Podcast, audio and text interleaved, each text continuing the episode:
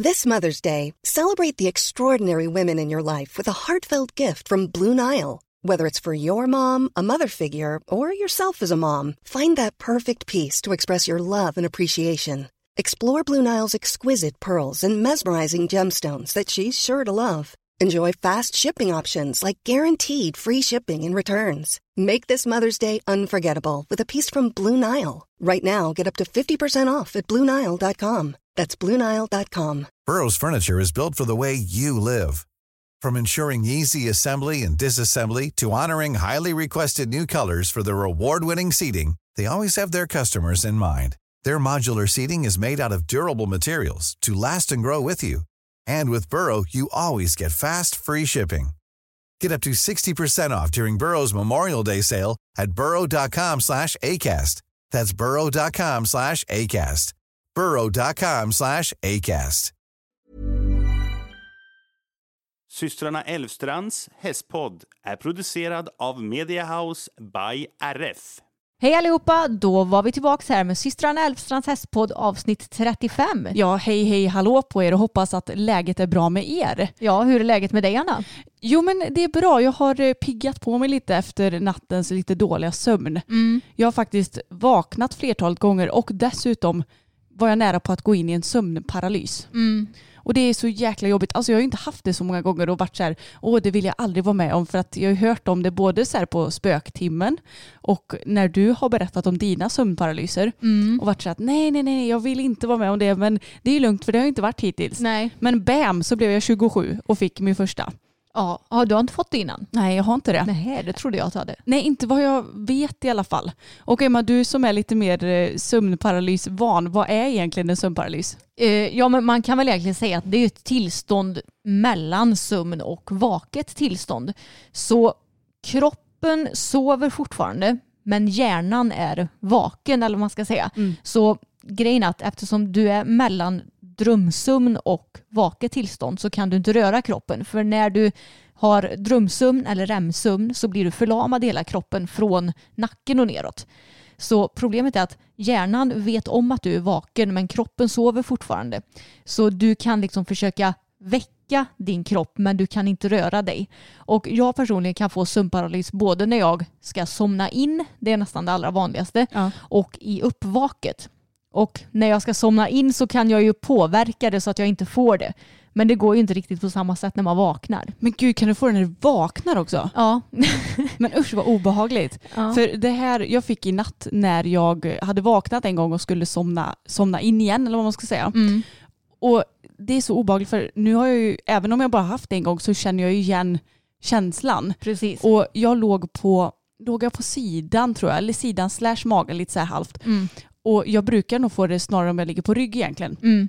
Men eh, nej, så jag kände att ja, men, det, det blir liksom en sugande känsla. Ja, alltså det, det är som att man håller på att sugas in i en annan dimension. Ja, verkligen. Och det tror jag lite är det som egentligen sker också. Ja. Att man är på väg att sugas in i en annan sorts dimension. Och jag får, när jag somnar in så får jag nästan alltid sömnparalys om jag ligger på rygg. Alltså jag kan inte somna på rygg, vilket suger för jag blir alltid som tröttast när jag sover på rygg. Men alltså ursäkta, men hur ska du göra när du, den dagen du kanske blir gravid då? Jag får ligga på sidan.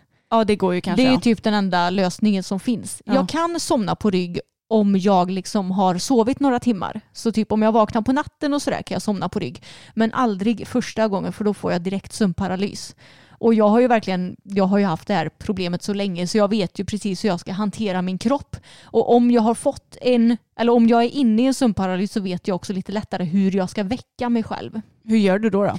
Jag fokuserar väldigt mycket på en specifik kroppsdel, typ ett finger eller min hand och liksom försöker få tänka att jag ska liksom väcka den och väcka kraften i den. Mm. Och att jag nästan tar ett så här djupt andetag och sen skrämmer till mig själv eller vad man ska säga. Ja, jag förstår vad du menar. För när jag kände att jag började sugas in i den andra dimensionen så började jag, ja jag gjorde väl egentligen typ helt tvärt emot dig. Mm. Började andas väldigt häftigt och liksom tänkte att jag måste vakna, jag måste vakna, jag måste vakna, jag måste Mm. vakna, jag måste vakna. Och så tog jag typ all min kraft jag hade och bara skakade till liksom. Mm. Och sen var jag på väg in en gång till och jag bara, men det dumme fan. Varför ändrar du inte ställning liksom? Så då fick jag göra samma sak en gång till Ja. och sen så bytte jag ställning och kunde somna. Ja. Ja men alltså det, det är vidrigt. Mm. Men Emma, när vi ändå är inne och pratar om sömnparalys, Mm. kan inte du berätta om några liksom, drömmar du haft? För grejen är ju att man oftast drömmer någonting också. Ja, grejen med sömnparalys det är att oftast så, eftersom, nu ska vi se, kroppen sover men hjärnan är vaken och det är lite så här mitt emellan så kan du fortfarande få, vad ska man säga, vad heter det, syner Mm. eller eh, Ja men man hallucinerar. eller ja. hallucinationer exakt. Det är jättevanligt att få när du har sömnparalys. Och jag kan också få känslan av att någon tar på min kropp. Mm. eh, händer väldigt ofta. Oftast när jag är uppvaket. Men eh, ett par av mina skojiga sömnparalyser då, det var en gång när vi fortfarande bodde hemma hos mamma och pappa. Då inom stationstecken vaknade jag av att mamma, det var ju inte mamma, kom in i rummet men jag hallucinerade det. Och hon liksom ställde sig och kollade ut genom mitt fönster. Sen kom hon fram till mig och blåste mig i örat och då vaknade jag. Det här är ju så komiskt Mm. och hade jag varit med om det själv så hade jag varit skiträdd. Bara, Mamma vad fan håller du på med? Ja, jag vet. Och sen har jag flertalet gånger vaknat av att liksom det tusentals med insekter som kryper i taket och i väggarna i mitt eh, rum. Och det är inte så himla kul för jag är ju världens insektsfobiker. Det är kanske är så du kommer ha din KBT. Det är så här, under dina sömnparalys kommer det vara massa getingar. Exakt. Och sen också jättemånga gånger så får jag någon sorts hallucination fast det är väl en känslig, eller käns, vad heter det? Känslo... Kom, ja, hallucination att någon tar på mig. Ja. Och jätteofta så ska den här mm, okända personen hålla på och pilla på mina bröst. alltså det är så jobbigt och speciellt då när jag ligger på rygg så är det ju ännu mer eh, blottat. Men även när jag har legat på magen så har den där jävla okänd, eller osynliga personen kommit åt mina bröstvårtor. Oj, Det är ju konstigt. Jaha, så det är bara bröstvårtorna? Ja, alltså, ja, det är jätteobehagligt. Jag dör. Jag vet, ja, ni hör ju, jag har ju lite problem. Men jag har lärt mig som sagt hur jag ska hantera det här med åren. Så nu vet jag i alla fall hur jag ska göra för att undvika att få sömnparalys när jag somnar. Men alltså, hur, varför får man en sömnparalys? Är det stress eller? Ja, det är det. Eh, Det kommer mer i perioder du är stressad. Eh, Men annars vet jag inte. Jag hade ju inte det när jag var yngre. Jag tror jag fick min första när jag var drygt 20 kanske. Ja. Ja det är så himla märkligt och Mm. jag vet att av min enda sömnparalys jag haft då såg jag ju en skugga i, i vad heter det, dörröppningen. Och det värsta av allt var att som jobbade kväll den natten också så Mm. att han hade ju precis kommit hem och, och då hörde jag något på nedervåningen så att det blev ju att jag trodde att vi hade inbrott liksom. Ja, just det. Så det var jätteobehagligt så Mm. att när jag väl vaknade till sen så var jag tvungen att gå ner och titta. Ja. Men eh, ja, nej sömnparalys är inte kul så att eh, ni som lyssnar på det här hoppas att ni slipper det. Det hoppas jag med. Men eh, som ni märker, det här kommer nog bli ett eh, alltså lite mer blandat avsnitt. Vi ska helt enkelt bara köta om det som vi får upp i våra skallar. Lite mer hästinriktat då kanske än sömnparalys som vi har Ja. tjötat om nu. Men det bara blev så eftersom jag hade drabbats av det under natten.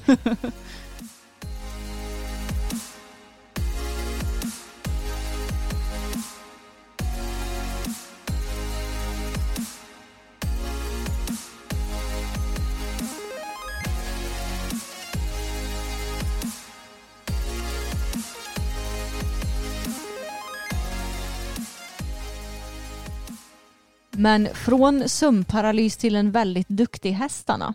Ja, alltså lilla, lilla Tage.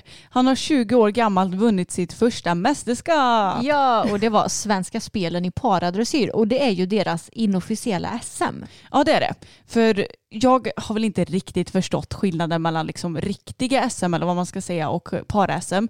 Mer än att på riktiga SM så har väl folk sina egna hästar och sen så tror jag att det kan ha lite med olika handikapp eller funktionsvariationer att göra också säkert. Men på det här SMet i alla fall, eller inofficiella SMet, så får folk låna hästar. Det var också folk med egna hästar. Men eh, då ställde vi upp och lånade ut Tage. Mm, det gjorde vi. Och han fick ridas av en jätte, jätteduktig kvinna som heter Maria. Och det var så kul för Maria hon följer ju oss på YouTube dessutom. Mm. Vilket vi fick reda på nu när vi träffade henne. Och eh, hon sa det att eh, ja, det ska bli så himla kul att rida Tage men jag är lite rädd för att de andra ska bli eh, avundsjuka. Ja, så himla gulligt. Jag hade faktiskt ingen aning om att hon eh, följde oss. Nej, inte jag heller. Men det är ju jättekul. Mm. Men det går ju till så också, paradressyren eller para SM att på lördagen så red de sin första klass och de rider ju samma klass båda dagarna. Och det finns de ryttarna som rider skritt och travprogram, vilket Maria och Tage gjorde. Och sen så finns det de som rider både skritt, trav och galopp i sitt program. Så det är två lite olika eh, nivåer, men de rider ju i samma klass ändå, eller vad man ska Mm, säga. de tävlade mot varandra i SM, bara Ja. det att de red två olika klasser. Det, det, man kan jämföra det med att säga att vi har ett klubbmästerskap i dressyr och så får du välja om du ska rida lätt B eller lätt A. Ja, Fast men man ändå precis. tävlar mot varandra i själva KMet. Ja, men exakt. Och då ska de alltså rida ja, men två olika hästar under de här dagarna. Så första dagen så får de rida en häst och andra dagen en helt annan häst. Och det antar jag för att det ska liksom bli lite jämnare så att inte så här, ja men oj den ryttaren fick ju visst en superbra häst som den matchade jättebra med och så fick en ryttare kanske någon som de inte matchade alls så bra med. Mm. Så att det ändå blir lite rättvist eller vad man ska säga. Och Tage var med på söndagen och Maria ledde inför den här dagen. Och det gör ju en såklart lite extra nervös som hästägare. Nu är inte jag ägare, Mm. men rider honom mest. Ja. Men Maria gjorde det så, så, så himla bra. Mm. De fick nästan ihop 74 procent. Ja. Och eh, de vann ju sin klass. Precis som hon gjorde dagen innan med ridskolästen Tornus. Mm. Och sen så vann de ju hela SM på lånad häst. Ja, så himla himla roligt. Och det är klart att även om det var Marias bragd så är det roligt att Tage liksom var med och hjälpte henne till vinsten. Mm, verkligen. Och det syntes att han trivdes väldigt bra med henne också. Ja, och det roliga är att jag fick höra det av överdomaren sen att domarna hade sagt att den här hästen borde du ta med dig hem. så är det någon som vi ska sälja Tage till så är det ju Maria. Ja, verkligen. Och jag satt ju och eh, var domarsekreterare på den här tävlingen. Så jag kunde inte riktigt vara med på framridningen och sådär. Men hur hade det gått? Jo men det gick bra. Tage, ja, först och främst kanske vi ska berätta lite om Marias. eh, Hon har ju lite nedsatt funktion i benen eller vad man ska säga. Så hon har inte riktigt full styrka där och rider därför med dubbla spön. Och sen så är hon ju ganska lång också kanske vi ska tillägga. Inte för att det spelar så stor roll men Tage är ändå mest van vid att det är jag som rider. Och när pappa rider så brukar han ha hyfsat korta stigläder så att han ändå inte sitter med benen så himla långt ner. Men eh, det tog en liten stund för Tage att förstå exakt vad Maria ville och förstå lite att okej hon har visst inte så mycket ben så jag måste lyssna lite extra noga kanske. Men det tog inte så lång tid innan de fann varandra. Men något som Maria hade svårt för på framridningen var halterna. Mm, och det kan jag förstå för Tage är ju inte världens enklaste häst att göra halt på. Nej, och jag vet inte, det kanske är för att jag inte lärt in honom rätt från början antar jag. Men när man gör halt på Tage så vill han gärna liksom tippa upp med huvudet och kika sig omkring. Mm. Och det kanske är lite kontrollbehov från hans sida också, att han gärna ska ha lite koll. Men när jag rider dressyr på honom så brukar jag alltså, hålla kvar en lite mer ordentlig kontakt i, i handen. Alltså inte att jag håller stenhårt naturligtvis, men att ni ändå förstår att jag lättar inte av i tygen utan jag håller kvar även när jag håller med en hand så att jag kan göra min hälsning. Men det är ju såklart inte lika enkelt för Maria att göra det för hon rider på ett helt annat sätt mot mig så det tog lite tid innan hon fann hur hon skulle göra. Och som tur var, i programmet var det ju till och med tre halter. Jag bara Ja. nej. Men han skötte sig bra i två av tre halter. Mm. I den sista backade han tyvärr lite grann. Ja, det gjorde han. Men, det, det gick ju väldigt bra ändå. de fick en eh, åtta av min domare på första halten så Mm. den fick de till väldigt bra. Så det, det är ju alltid svårt och jag är så himla imponerad av de här ryttarna som ändå ja, men de får bara en häst presenterad för sig och man kanske kan berätta lite grann om den men de får liksom en halvtimme får travryttarna och sen tror jag att galoppryttarna får 40 minuter på sig att rida fram och lära känna hästen och eh, förstå dess svagheter och styrkor och hur man ska rida den och sen bara in och tävla. Mm. Alltså jag tycker det är så häftigt och jag hade tyckt det varit så roligt om vi som inte är pararyttare kunde ha någon tävling per år som är lite likadan. Mm. Det tycker jag med. Det hade varit jätteroligt. Och då får du ju verkligen lite bevis kanske på vilka ryttare som är bra på att eh, ja, men lära känna en ny häst snabbt och som kan anpassa sin ridning snabbt. Ja, och jag vet ju själv att nu rider inte jag så många olika hästar längre för att vi rider ju mest våra egna hästar. Men det är skitsvårt när du sitter upp på en ny häst. Vilken kontakt till bettet vill den ha? Vad har den, hur lätt har den för att ta med skänkel? Hur lätt har den för alla rörelser? Vad är dens svagheter och styrkor? Det är ju jättesvårt. Mm, det är det verkligen. Och det tar ju ett år att rida in sig på en häst säger man ju och Mm. det stämmer nog väldigt bra. Ja, men Maria hon är ju verkligen en jätteduktig ryttare. Hennes mamma sa väl att hon har vunnit SM alla år sedan 2012 förutom ett. Ja, Och jag kan förstå det för hon är så himla duktig på att liksom få hästarna att jobba på i en trevlig arbetsform. Jag vet att eh, vi sa ju det att när vi hade vår förra ridskola på Vorf, Varortens ryttarförening, då anordnade vi också en del paratävlingar där. Och då fick ju hon vara med och du sa det att hon fick rida ridskolehästen Mimmi och jag har nog aldrig sett den hästen gå så bra som då. nej men jag tror inte det för att Mimmi det var en häst som, hon var ganska Alltså hon var inte så hög i mankhöjd men hon var en sån häst som gärna la bakbenen ganska långt bakom sig. Mm. Kommer du ihåg det Emma? Ja. Mm. Men Maria fick verkligen henne att få in bakbenen på ett helt annat sätt och jag Mm. bara wow. Ja. Då kunde jag ju inte jättemycket om hästar och, och ridning och kanske så mycket om form heller men jag såg att det såg väldigt, väldigt bra Mm. ut.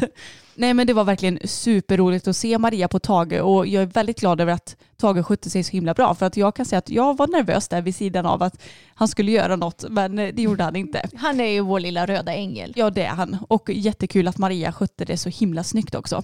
Men eh, det här kan ju varit Tages första och enda tävling i år. Mm. Pappa tyckte ju att jag skulle starta en dressyr nu när han såg att det gick så bra med Maria. Ja, du Men kan... jag bara, jag är inte Maria pappa. Nej, men du kanske är lite sugen på att med på KM? Ja, jag får se vil- vilken klass det blir bara för att jag vet att det kommer vara lätt B. Men är det lätt B på kort bana så kan jag vara med med Tage. Men är det lätt B på lång bana så orkar jag nog inte. Nej, jag förstår. För han är ju lite jobbigare att sitta på och går inte riktigt lika framför skänken som eh, Fokus gör till Mm. exempel. Och Fokus är lite enklare. Blir han lite dåligt framme på skänken så kan jag ju fortfarande palla mig igenom ett långt program liksom. För han är lite enklare att sitta på. Ja. ja, men eh, som jag nämnde förut så var jag domarsekreterare på den här tävlingen och jag skrev för två olika domare. Och eh, den ena domaren och jag, vi pratade ganska mycket för hon visste vilka vi var och hade liksom lite koll på oss och det kändes som att vi delade ganska så många intressen inom hästvärlden eller vad man ska säga. Ni hade lite lika åsikter kanske? Ja, vi hade lika värderingar känns det som. Och eh, både hon och jag, vi hade väl ändå åsikten att, alltså vad ska man säga, att dressyren på den högre nivån, att bedömningen där kanske inte alltid är den bästa. Mm. Och det är ju någonting som vi har pratat mycket om i sociala medier tidigare. Att det, liksom som, det som premieras det är oftast en häst som springer i fel takt. Till exempel i traven som springer med liksom sprättiga framben medan bakbenen släpar bakom. Och i en korrekt travtakt så ska ju de diagonala benparen vara parallella med varandra. Vilket de ju inte blir ifall hästarna flänger upp med frambenen. Då blir det ju snarare någon sorts fyrtakt i traven. Och sen också det här med formen, att det oftast är de hästarna som liksom går med avknäppta nackar, tredje nackkotan som högsta punkt, som kanske till och med ser liksom oroliga ut i både ögon och mun. Att det kan vara det som premieras bara för att det ser flashigt ut. Mm. Och jag tycker att det är kul att få höra det av någon som faktiskt jobbar som domare. Jätteroligt för att det blir ju nästan att man tänker att ja, men alla domare tänker så här men så uppenbarligen så är det inte så. Nej, och om jag får vara lite fördomsfull så tycker jag nästan det känns som att domare på lägre nivå tycker jag nästan alltid dömer bra Mm. eller rättvist. För det är ju sällan man ser en klass i sig lätt C, lätt B, lätt A eller någon medelsvår C eller sådär där man inte tycker att den som skulle vinna vann. Eller vad säger jag? Ja, men du, du tycker att de som står på prispallen det är de som också förtjänar det? Liksom. Ja, exakt. Och att man tycker att domarna dömer bra för det allra mesta. Mm. Och att de premierar korrekt saker. ja, men jag håller med och nu har inte vi tävlat eller varit ute sådär gör mycket på det, det som vi sett så håller jag verkligen med dig. Så jag funderar lite på, alltså vart är det som det blir fel i sporten känner jag? Ja, vart spretar det iväg? Ja, vart är det som du börjar spreta och liksom allt vad det nu kan vara där, där den här bedömningen inte är det som står i TR att det ska premieras. Nej, och jag tycker också det är så märkligt för att jag vet ju att det finns domarkurser där de går regelbundet varje år, om det inte är varje termin till och med, där de liksom, ja men jag tror att det går till lite så att de ska det är ett gäng domare som dömer en, en, ett program när en ryttare rider och hur, hur de sätter och att de diskuterar det här. Alltså, de, de har väl sådana kurser och även oavsett hur högt upp en domare dömer så har de väl sådana kurser. Vart, vart går det snett? Ja, jag tänker det med. Och på tal om domarkurs så frågade hon om inte vi ville vara med och rida bettlöst på någon domarkurs. Mm. Så hon var ju också väldigt eh, intresserad av bettlöst och sa det att eller vi diskuterade ju det här med bett och sa det att ja men det är inte naturligt för hästen att ha bett i munnen och hon var också positivt inställd till bettlös ridning och sådär också. Och det tycker jag är kul för vissa domare är ju väldigt anti det. Mm. Ja men eh, blir det något sånt så får vi absolut ställa upp. Det gör vi väl med glädje. Ja verkligen. Men eh, tycker du det är svårt att sitta och skriva för domare eller tycker du bara att det är roligt? Nej men jag tycker bara att det är kul egentligen. Mm. Det, det, vi hade ett litet bekymmer på den här tävlingen. Jaha. Och det var på söndagen när jag skulle skriva. Då hade vi bara fått en penna och den pennan slutade såklart fungera mitt under ett program. Så då fick jag snabbt lösa det genom att ta upp mobilen och mina anteckningar och så fick jag liksom skriva upp respektive punkt där och vilket poäng och eh, kommentar. Men gud. Det gäller att vara snabbtänkt ibland. jo, men varför hade du inte fått någon mer penna eller glömde Nej. du bara det? Nej, det var bara en, vi hade bara fått en penna och så slutade den funka. Så då fick jag fixa en ny penna sen till nästa startande. Aj då, för Mm. det brukar ju ändå vara standard att man har med sig typ 20 pennor till en Japp. sekreterare. ja.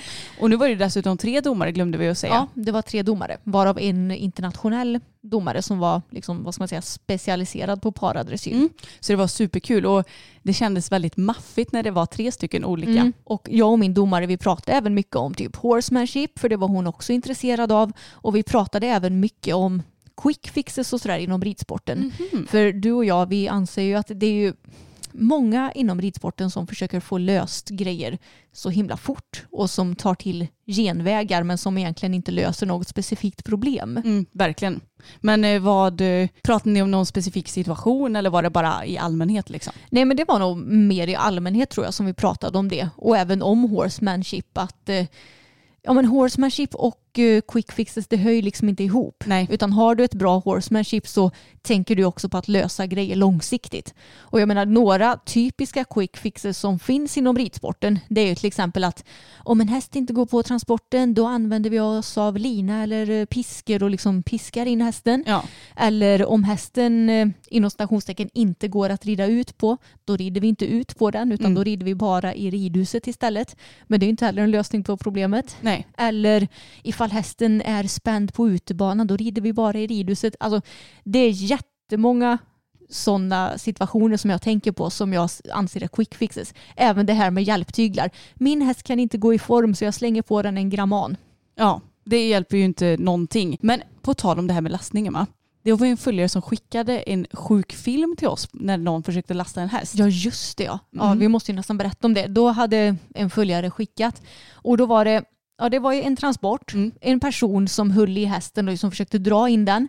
Och sen hade de ramat in hästen som så att det stod alltså stora halmbalar, ni vet sådana där rundhalmbalar, stod både vid sidan av transporten och bakom transporten. Så hästen kunde liksom inte ta sig någonstans. Nej, så det var, det var som en vägg med halmbalar och Mm. enda vägen, alltså enda fria vägen var ju in i transporten egentligen. Ja precis och sen stod det också människor, eller de satt på typ halmbalarna och försökte typ så här vifta in hästen i transporten samtidigt som ryttaren i fram stod och drog fram och tillbaka, drog fram och tillbaka.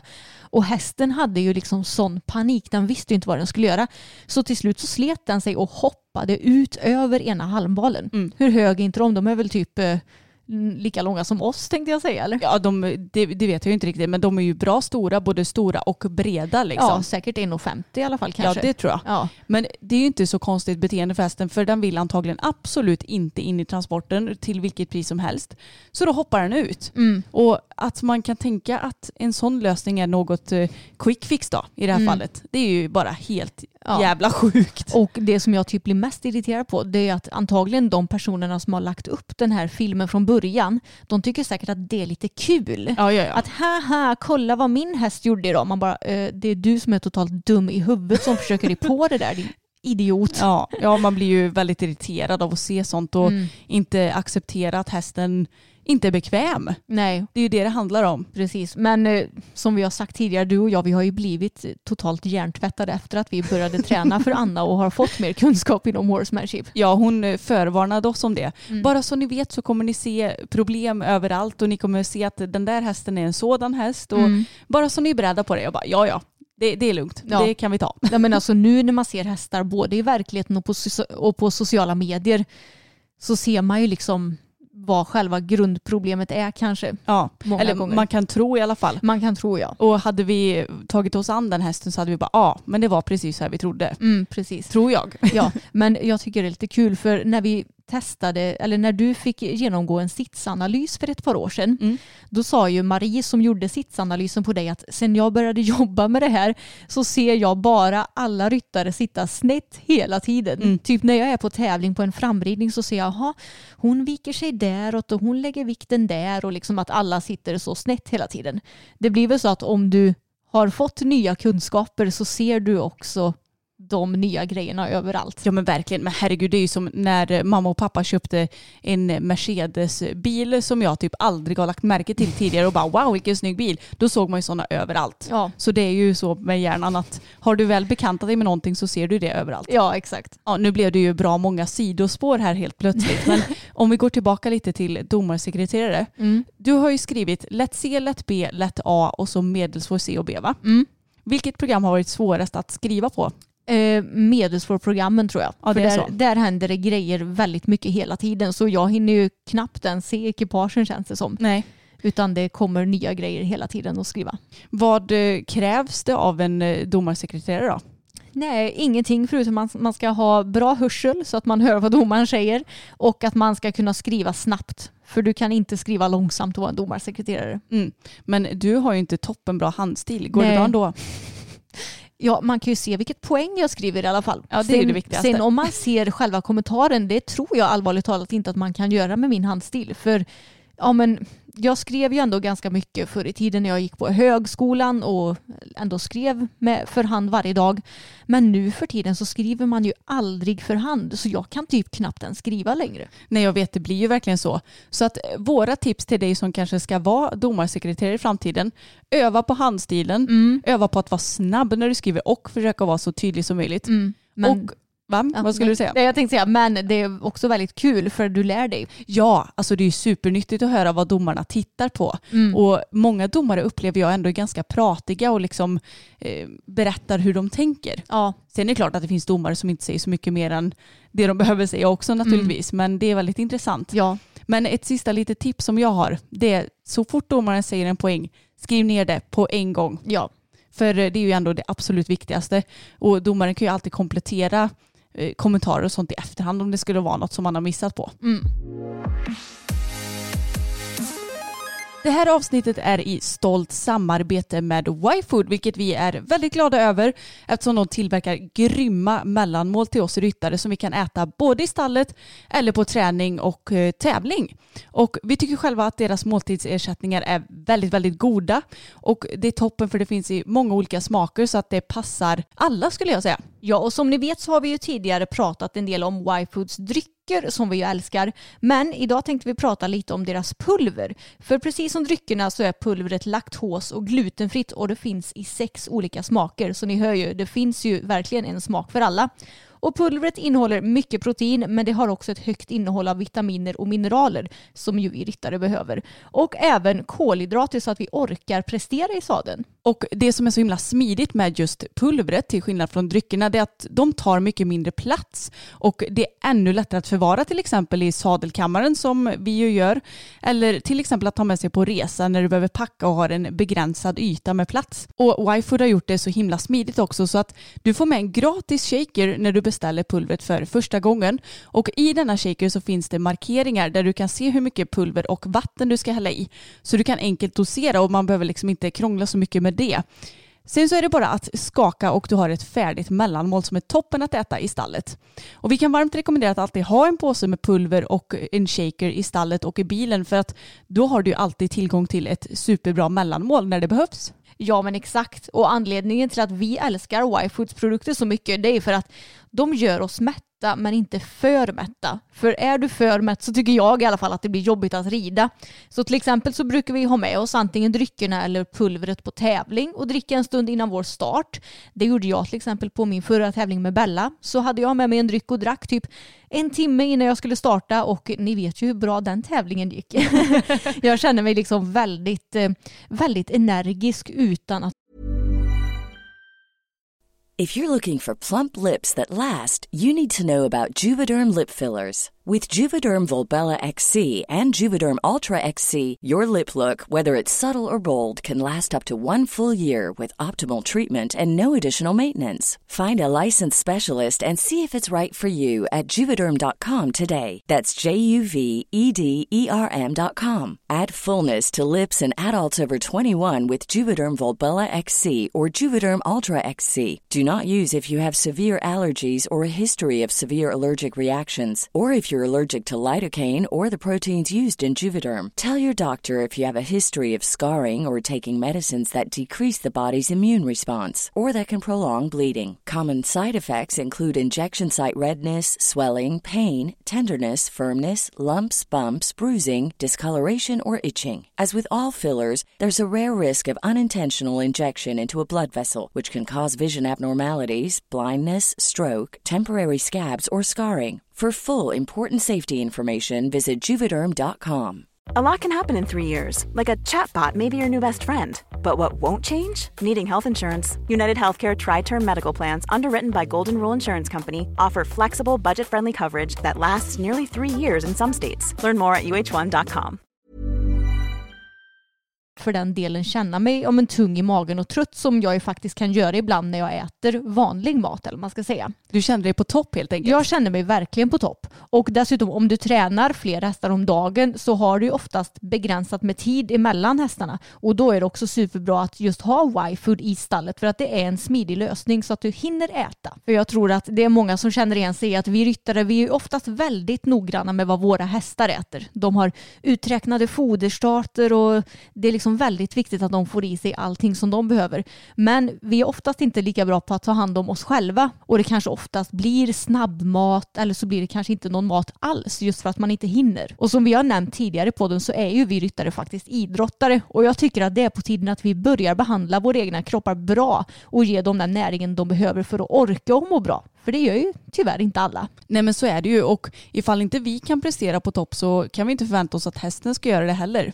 Och vi har en rabattkod som är Älvstrand10 och det ger er 10% rabatt och länk till YFood finns i beskrivningen så passa på att beställ nu. Stort tack YFood för återigen ett mycket härligt samarbete.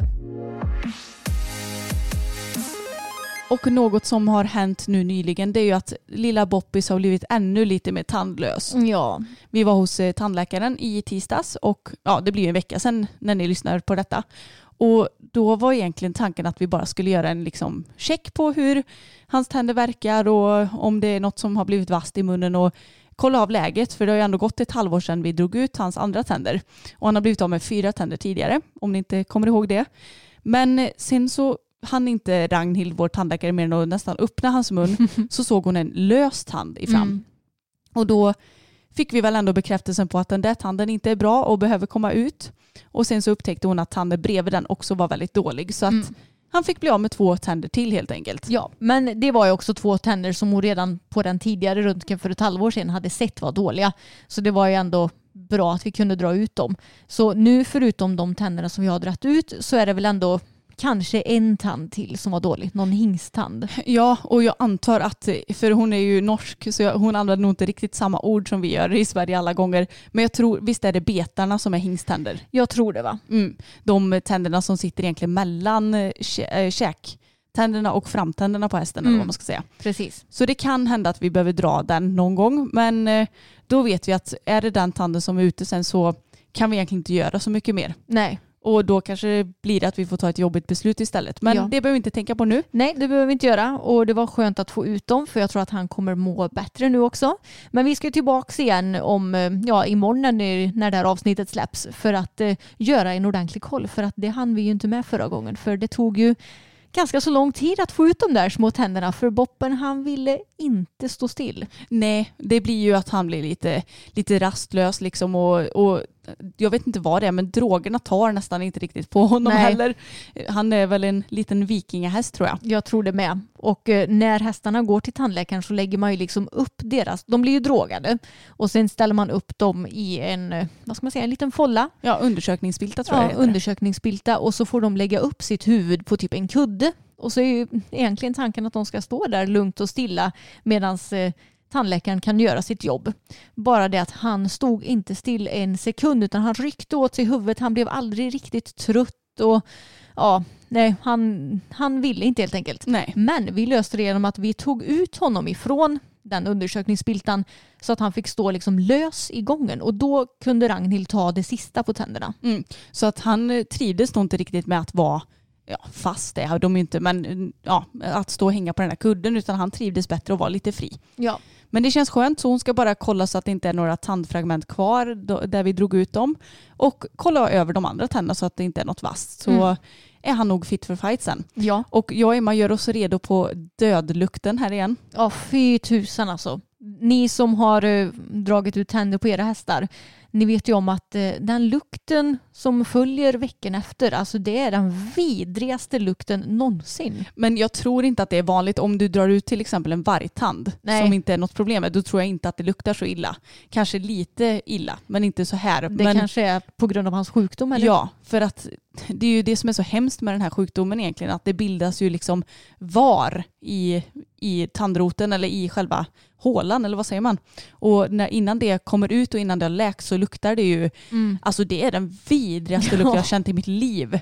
Och jag är inte en sån person som gärna spyr som ni kanske vet för att jag har haft emeto, emetofobi, alltså spyfobi. Mm. Och tycker väl fortfarande inte att det är så himla roligt att kräkas. Så att jag försöker att bara andas med munnen och försöker att inte visa för Boppen att eh, han luktar så himla äckligt för att Nej. då blir han jätteobekväm såklart. Ja, han är ju så himla känslig Ja. kille. Men alltså det var så kul förra gången när du hade fått något av hans här säckel typ på dig och bara jag spyr, jag spyr, jag får panik, jag får panik. Jag tror att jag fick hans dregel på, eller ja, äckelgegg på min jacka eller vad det var. Mm. Så jag fick gå in och byta jacka och sen tvätta den. Alltså, öh. nej, jag ser inte fram emot det här men vi ser fram emot att ja, men få det läkt och få det bra igen. Ja, och så att boppen ska bli fräschare. För nu har han dessutom fått kollat upp sin sadel för den låg inte optimalt utan vi fick eh, göra bommen smalare. Ja, inte bommen, Nej, men, bommen. men, men det? koppjärnet. Koppjärnet, vi gjorde koppjärnet smalare och eh, då låg den mycket bättre. Mm. Och jag kände redan när jag liksom red honom efter att vi hade fått fixat det här att han kändes liksom piggare och då kan jag bara tänka mig hur han kommer kännas när han har blivit av med de här dåliga tänderna också. Ja, så det kommer nog bli jätte, jättebra. Och på tal om sadelkollen så kollade vi upp alla våra sadlar nu med eh, Josefin Sadlar som är jätte, jätteduktig. Och ja, men Boppens behövde vi fixa med koppjärnet. Bellas låg tipptopp. Mm. Det var ju jätteskönt. Japp. Behövde inte ens eh, röra något litet strå på hennes padd eller något. Nej. Men eh, Fokus sadlar. Den ena, hans hoppsadel behöver stoppas i lite mer och nu har jag hunnit hoppträna så att nu kan jag lämna in den på stoppning för jag ville gärna ha hunnit göra det först. Men eh, annars så låg den väldigt bra. Roligt nog så låg den bra på tag också. Det var bara att jag behövde en liten mankpadd kan man väl nästan säga. Mm. För att få den liksom Alltså Tage behöver egentligen ett koppjärn smalare än vad Fokus behöver. Men för att slippa köpa en sadel till och för att slippa byta koppjärn mellan varenda ridpass, gud vad jobbigt, så köpte vi en liten padd bara. Så Mm. att Tage kan numera ha fokussadel. Mm. För hans egen sadel låg, alltså var lite, lite, lite för smal över manken. Den funkar för han har inte reagerat konstigt men jag kände ju att han sprang mycket bättre i fokussadel. Ja, så nu så har vi ju, vi har ju kvar Tages gamla sadel som vi har när vi rider ut på alla fyra till exempel. Mm. Men om du ska hoppa Tage så kan ju du ha fokussadel till exempel. Ja, eller när jag rider dressyr eller så. Ja, exakt. Och Fokus dressyrsadel behövde vi bara fixa till hans padd lite grann så att den blev lite tunnare vid manken så satt den mycket, mycket bättre. Så det känns så himla skönt nu att ha kollat upp allting och vi vet att allting är liksom topp, tipp, topp nu. ja, men på tal om lite hoppning då Emma. Vi var ju faktiskt hoppträna igår. Ja, och det gick superbra. Ja, Det är så kul för jag ska ju tävla Bella nu till helgen. Och eh, jag är lite nervös för jag ska rida min första en meter på två år. Alltså det är helt galet för när jag hopptävlade Boppen till exempel så hoppade jag ändå en meter väldigt regelbundet och har gjort under många år. Jag har ju till och med startat någon 1,20 och ändå hoppat ganska många 1,10. Och jag har ju aldrig tyckt att en meter har varit högt liksom så här i vuxen ålder eller vad man ska säga. Men nu när jag har, när Bella har varit skadad och jag själv har ju varit skadad men nu har ju vi kommit igång igen. Och eh, jag tycker inte att en meter är högt på träning. För vi hoppar ändå banor på en meter, en och tio. Men det känns lite så här pirrigt att oj nu ska vi ut och tävla en meter igen. Och egentligen tror jag inte du behöver vara pirrig för fem öre. För jag menar, sist när ni var i Nygård och hoppade 90 centimeter och lyckades knipa tredjeplatsen. Alltså det såg ju så enkelt ut så det var ju fasen fjantigt. Ja, det kändes för enkelt också. Jag känner att jag behöver någon lite större uppgift för att eh, nu tyckte jag absolut inte att jag är dåligt i Nygård. Men Nej. så att man ändå får lite mer, eh, vad ska man säga, inte pirr i magen men lite mer fokus kanske ändå. Ja, och framförallt så kanske du inte hade kunnat hoppa 5,90 till för då hade du nog blivit slarvig till slut. Utan man Mm. behöver ju ändå steppa upp sitt game lite grann. Precis, Så jag tror att ni är mer redo för detta. det känns som det. Mm. Och Bella tycker nog att hon hade kunnat hoppa 1,30 för länge sedan. Ja, hon är duktig tjej. Ja. Men eh, både Bella och Fokus var ju riktigt eh, duktiga på den här hoppträningen. Ja men det var de och fokus har jag ju fortfarande lite svårt att hålla motiverad på framför framförallt. För han har inga problem med själva hoppningen men det är när jag ska liksom styra på första hindret så kan han bli lite så här nej men jag orkar inte galoppera och, och så kan jag lägga på skänken och kasta den genom huvudet eller liksom frustar till och bara skiter i mig och han är lite oengagerad och tycker inte att det är så himla kul liksom. Och jag har lite svårt att reda ut hur jag ska göra för att jag vill inte hålla på och gå på med spö och grejer för att jag tycker inte att det känns okej och, och sådär. Men på träningen igår så gjorde jag som så att när han inte tog min skänkel så stannade jag honom och så backade jag honom ganska länge. Så att han fick backa typ, ja vad kunde det ha varit, 20 steg eller något sånt där. Och då, tills det liksom blev lite jobbigt för honom att backa för det var ju nästan lite hans idé att han skulle backa för han ville ju inte gå fram. Så då fick han backa. Och sen så gjorde jag en galoppskänkel. Och då var han mycket mer framme. Och de två sista banorna framförallt kändes väldigt bra. Så att jag tror att det kan vara ett vinnande koncept för mig att ja men lyssnar han inte fram, nej men då får han väl backa då. Mm. För både du och jag har ju lite problem med våra hästar. Att de är ju lite mer oengagerade på träning. Din mycket mer oengagerad kanske. Eller inte oengagerad på hindren utan det är ju mest när ni ska komma igång så man kan bli tjurig. Ja. Och Bella hon är oftast ganska mycket mindre framme för skänken på träningar på tävling. För på tävling så blir hon mer fokuserad och det blir något nytt så hon är mer så här, vad ska jag göra nu, vad ska jag göra nu? Och hon är framme för skänken fint, oft, oftast nästan hela tiden när jag tävlar. Men på träning har jag liksom inte riktigt fått till det här känslan av suget fram. Mm. Hon hoppar ju allting och sådär så det är inga problem men det är mest att när jag lägger på skänken så vill jag ju att hon ska liksom lyssna fram direkt. Och den känslan har jag inte riktigt fått på träning och då kan jag också känna mig lite obalanserad i sprången eftersom att hon står emot lite.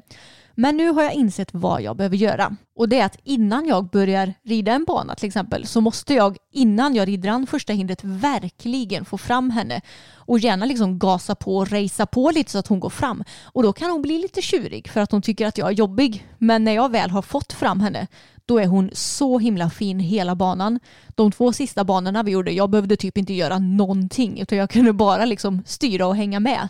Och det är den känslan man vill ha. Jo men det är ju så och era två sista banor var hur fina som helst. Och vill ni se mer av det här så finns det såklart på YouTube som vanligt för att vi vloggar ju typ varenda hoppträning. Japp, men det är kul att ha för oss också. Det är jätteroligt att se utvecklingen och även om det har känts lite för mig och fokus att vi har utvecklats för att sen gå lite tillbaka för att utvecklas för att sen lite gå tillbaka så får man ju det lite mer, alltså vad ska man säga, på papper tänkte jag säga, men på film att det faktiskt går mycket framåt. Mm. Och nej, jag ska nog få bukt på hans eh, tjurerier på träning också tror jag. Ja men det tror jag verkligen. Men vi pratade ju lite förut om det här med quick fixes inom ridsporten. Och är det någon som inte har sysslat med quick fixes så är det ju du med fokus. Ja men alltså den hästen har ju haft så många problem. Så ifall du skulle göra som vissa andra så hade ju du inte ens kunnat rida på den hästen. Nej jag vet. Han gick ju inte att rida knappt i paddocken för han var ju livrädd för ena delen av paddocken så att han kastade sig. Jag har ju flugit av honom i paddocken för att han blev rädd och liksom tvärvände. Och han var ju så otroligt spänd i paddocken. När vi red ut var han ju galen.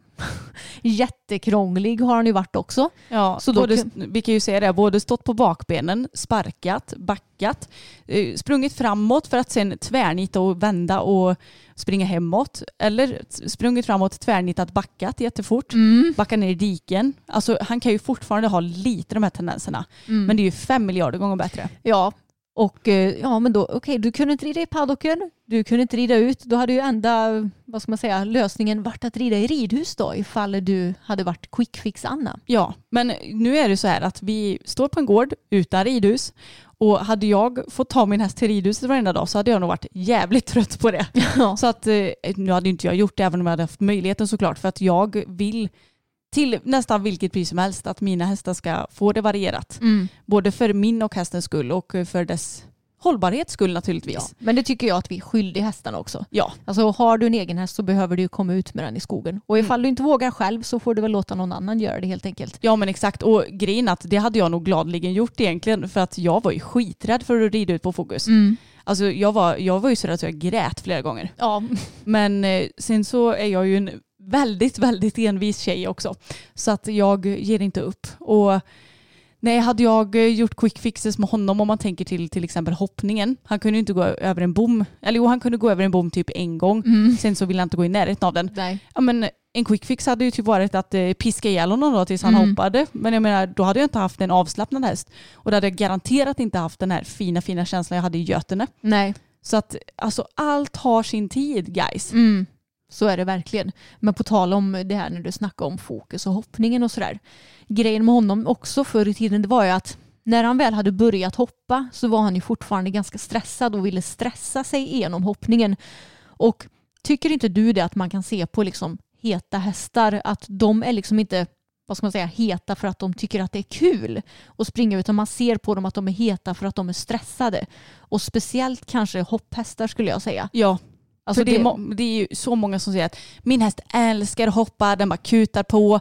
Mm. Och man bara, fast har du, för, har du tänkt på varför den kutar på? Mm. Alltså jag tänker att en häst som tycker att det är väldigt kul att hoppa, det är klart att den kanske kan göra glädjesprång då istället. Att den liksom bockar lite eller bara woho!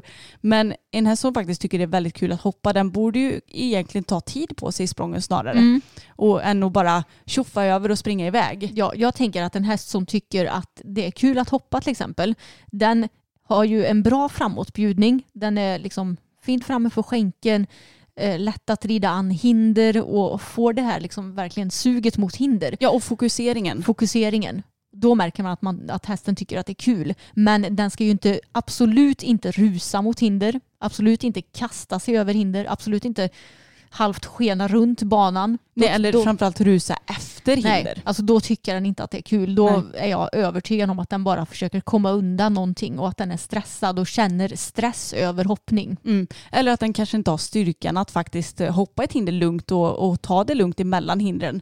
Det kan ju vara vad som helst. Och det här är ju bara våra teorier. Men jag eh, har också tänkt på detta. Mm, precis, av det vi ser också. Man Mm. får ju läsa av liksom hästarnas ögon, hästarnas kroppsspråk, minspel och allting. Och eh, ja, men det är vad jag tycker. Och jag tror också det beror ganska mycket på olika ryttare. För kollar du på till exempel Peder Fredriksson och Roffes hästar så tycker jag att alla, eller i princip alla deras hästar, de ser väldigt nöjda ut. Mm. Och de har den här fina framåtbjudningen utan att hästarna halvt skenar runt banan eller vad man ska säga. Och så jag tror att som hästägare kanske du ska ta dig en extra tankeställare till exempel. Är min häst liksom het på grund av att den har något annat grundproblem, att den kanske har ont eller är stressad så den försöker komma undan någonting. För jag tror att det är så många gånger. Fokus var ju sånt till exempel när vi hoppade serier. Ja. Då rusade han ju snabbare och snabbare och snabbare igenom varje hinder. Och hur många sådana hästar ser man inte idag? ja, jag vet. Det är ju Mm. verkligen så. Ja, men med mycket arbete från marken så är han ju, alltså det är ju helt sjukt vad han har utvecklats bara det senaste året. Ja, och jag tror att jag har svårt att förstå det. Men eh, det är så jäkla häftigt och det känns så coolt att även om jag har tagit hjälp av många tränare så är det ju ändå jag som har gjort den här resan med honom. Mm, det känns verkligen. så coolt. Och han har blivit så himla hinderklok också. Mm. Han är så bra på att liksom sträcka fram när han behöver. Han är så bra på att korta ihop sig när han behöver göra det. Ja, men det är så kul att se för förut så som sagt han försökte bara ta sig igenom det så snabbt som möjligt Mm. men nu tycker han verkligen att det är kul och han väntar på dig och har samtidigt liksom fin bjudning och hoppar så otroligt bra. Mm, det var exakt så jag kände i Götene. Han bara, okej vilket hinder är det nu? Ja okej, och nu har jag hoppat det. Vilket är det nu? Mm. alltså han, han kände så positiv. Ja men jag tycker att den filmen är bra, vad ska man säga, en bra riktlinje för att, hur en häst ska vara när den har den här bra framåtbjudningen utan att rusa på. Mm. Men eh, när vi ändå är inne och pratar lite tävlingar och sånt så har vi ju ändå anmält oss till årets sista tävlingar nu. Det Mm, känns ju helt sjukt. Ja, verkligen. Och grejen är att årets sista tävling för oss kommer väl bli sista helgen i november va? Eh, nu ska vi säga 21 november tror jag. Ja, okej. Så det är inte en sista. Nej. Eller, vilket tänker du på nu? Eh, Alingsås. Ja något. just det. Ja men det, det är 21 november. Mm. Så det blir inte så himla sen tävlingssäsong i år helt Nej. enkelt. Eller jo, jag ska till Trollhättan. Det är väl helgen efter det förresten. Ja, det Mm. är det kanske ja. Mm. Men för min del så blir det i alla fall sista tävlingen den 21 november. Ja. Och det är ju väldigt tidigt men Ja. eh, det finns inte jättemycket tävlingar i år och jag antar att det beror på att man har inte hunnit planera tävlingsterminen så mycket varje ridklubb och sånt med tanke på att det var eh, lockdown tänkte jag säga. Det har Mm. inte varit här men inga tävlingar under tre månader. Nej, men jag vet också att inom stationstecken förr i tiden så fanns det ju oftast hopptävlingar liksom även i december. Och nu snackar jag om lokala hopptävlingar för det är ju på den nivån vi tävlar. Men då var det tävlingar nästan, i alla fall någon varje december. Men Mm. nu de senaste åren så har det nog inte varit det. Nej för jag kommer ihåg att det var väl, jag tävlade boppen någon gång i december tror jag. Mm. Visst gjorde jag det? Mm. Inomhus. Eller ja, såklart. Men jag kommer ihåg att vi fick parkera i ganska snöig hagel liksom. Ja. Och det är tråkigt att det inte är så mycket tävlingar i december nu. Men det vad det. Mm. Och vi kan väl berätta lite vad för tävlingar vi har kvar. Mm. Jag ska hoppa i Mariestad. Nu ska vi se, det blir den 25 oktober. Och då ska jag faktiskt testa två klasser med fokus. Får vi se vad han säger om den saken. Om han tycker att nej men fy fan vad tråkigt att jag ska hoppa en gång till. Eller om han kommer Ja. att vara lika pigg och taggad. ja, det ska bli spännande att se. Mm, och det blir ju första inomhustävlingen för oss. Och sa jag att vi ska hoppa 80 och 90? Nej. Nej, 80 och 90 blir det. Och enligt vår kompis Sillan så kommer det tydligen gå över samma bana. Vilket ju egentligen är väldigt bra om det skulle vara något som han krånglar på i 80 eller om han typ stannar eller tycker något är konstigt eller om jag tabbar mig någonstans så har vi ju chansen att göra om det till det bättre i 90 cm. Så det är ju ändå ganska positivt. Och sen sa jag den 21 har jag ju då Allingsås och då ska jag hoppa 85 cm. Och båda, eller alla tre klasser är A0 plus A0. Och sen så kanske jag startar klubbhoppningen, eller vad säger jag, klubbdressyren dagen efter. Mm. Och det är den 22 blir det då. Mm. November.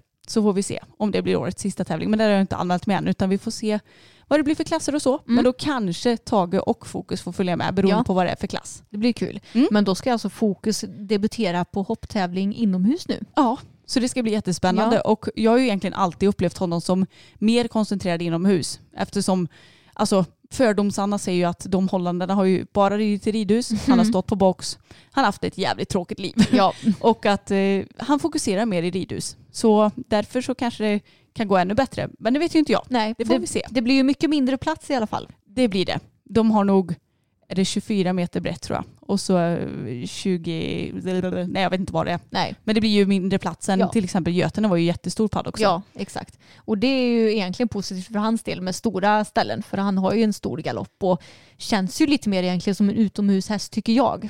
Jo, men samtidigt så har han ju inga problem att sträcka ut när han behöver heller. Nej. Så jag menar, även om man kanske tar det lite lugnare i svängarna då eftersom det är trängre och inomhus så kan jag ju fortfarande rida på framåt där det behövs i distanserna till exempel. Mm.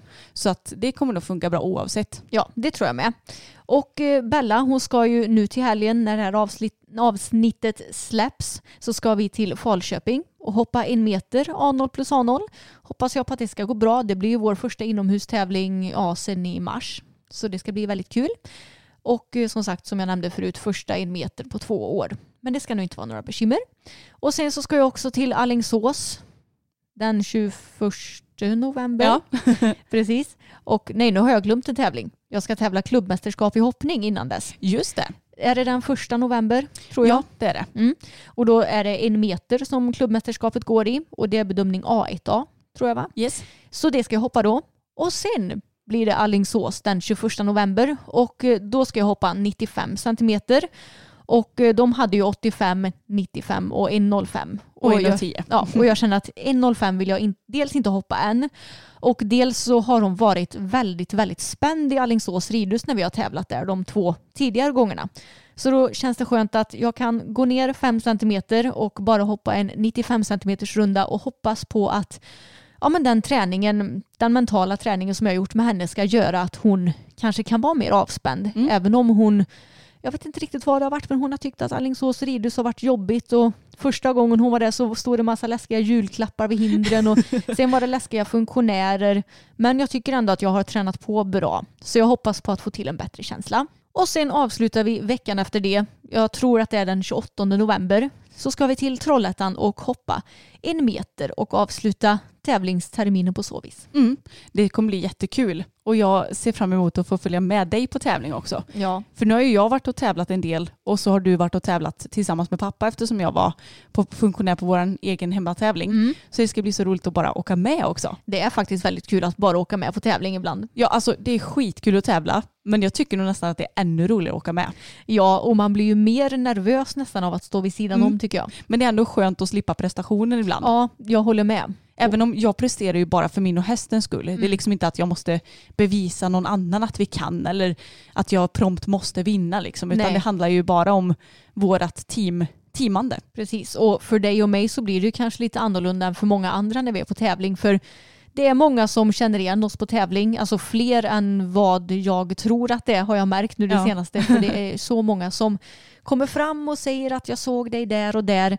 Och eh, det gäller att ha en bra mental styrka för att palla med det. Ja och vi har ju verkligen skaffat oss det det senaste också.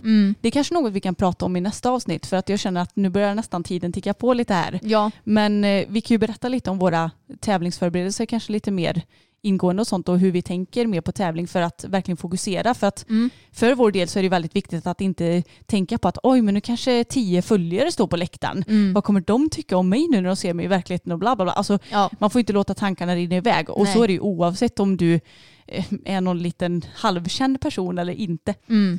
Ja, jag räknar inte oss som en helkänd person Emma, för det är vi ju inte. Nej, Bara för Häst-Sverige. precis. Och eh, som vi pratade om, våra gammelgrabbar, Boppen kommer såklart inte få tävla någonting i år och jag vet inte om han någonsin kommer tävla något mer direkt. Nej, vi får se. Det beror på om man får feeling eller inte. Ja, men det är, det är inget som vi liksom satsar emot. Nej. Och Tage får väl se då om det blir någon klubbdressyr eller om det blir någon annan dressyr. Pappa tyckte nog också att jag, eller du tyckte att jag skulle ut och hopptävla också. Ja, herregud, han är ju så fin nu. Speciellt när han har fått sin nya, inom stationstecken, sadel. Ja, eh, nya inom citationstecken sadel, det är ju faktiskt en sadel Emma. Ja, ny, ja men nya inom citationstecken. det lät så kul. Ja, jag kan säga att lille Tage höll på att hoppa med ur sadeln när vi hoppade igår Mm. i sin nya sadel, alltså fokussadel. Mm. Så det var jättekul. Vi får se, för eh, jag vet inte om jag riktigt orkar lägga mer tid och engagemang på att komma ut på ännu fler hästar. Nej, jag förstår det. Mm, det är ju lite så och jag vill nästan helst inte ha med mig fler hästar på samma tävling heller. Nej, de, Men å, å andra sidan så någon gång ska jag vara den första och jag vet ju, ja, vad sa jag till dig Emma, Jörgen Larsson red ju typ så här nio starter i en 1.30 som jag Ja. räknade ihop. Så att jag menar, Jörgen om jag ska komma upp i din nivå då får jag ju börja någon gång. Nej jag Mm. skojar. Verkligen. Nej, och på tal om att åka ut med fler hästar samtidigt, det ska bli intressant att se hur Fokus och Bella kommer bete sig nu när de ska iväg på hopptävling samtidigt. Ja, vi kommer ju plocka med oss två stycken medhjälpare som tur är så att Mm. i värsta fall om inte Fokus pallar att stå i transporten utan Bella då får väl någon leda honom medan du rider din klass. Ja, det kommer lösa sig. Det gör det. Det är också någonting som jag behöver träna på. Som sagt, jag behöver träna på allt med min lilla häst. Men han lär mig så himla mycket också. Ja, Ja, hörni, det har blivit väldigt gott och blandat i det här avsnittet. mm, men jag tyckte det var väldigt kul att bara köta helt utan något sorts manus. Ja, och vi kommer inte alltid att kunna ha ämnen heller. Nej, För jag menar, det är ju helt omöjligt för oss att komma på fem miljoner olika ämnen att prata om. Så att eh, vissa avsnitt blir så här. exakt. Jag hoppas att ni tycker att det är kul att bara höra oss köta på om det som liksom poppar upp i våra skallar ibland också. Mm, det hoppas jag verkligen. Men tack så mycket för att ni har lyssnat. Och glöm inte att spana in YFood och vår rabattkod som vi har som är Älvstrand10 och ni hittar som sagt länk till dem i beskrivningen. Ni får ha det så jättebra tills nästa gång vi hörs igen och vi hoppas att ni prenumererar på den här podden ifall ni gillar den. Verkligen. Ha det så gott så hörs vi igen om en vecka. Det gör vi. Hej då!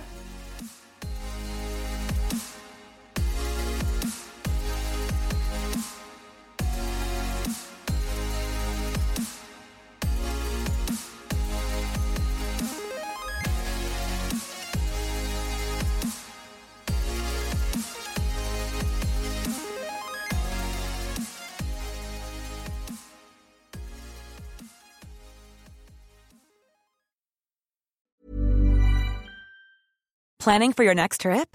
Elevate your travel style with Quince. Quince has all the jet setting essentials you'll want for your next getaway, like European linen, premium luggage options, buttery soft Italian leather bags, and so much more. And is all priced at 50 to 80% less than similar brands. Plus, Quince only works with factories that use safe and ethical manufacturing practices. Pack your bags with high-quality essentials you'll be wearing for vacations to come with Quince. Go to quince.com slash pack for free shipping and 365-day returns.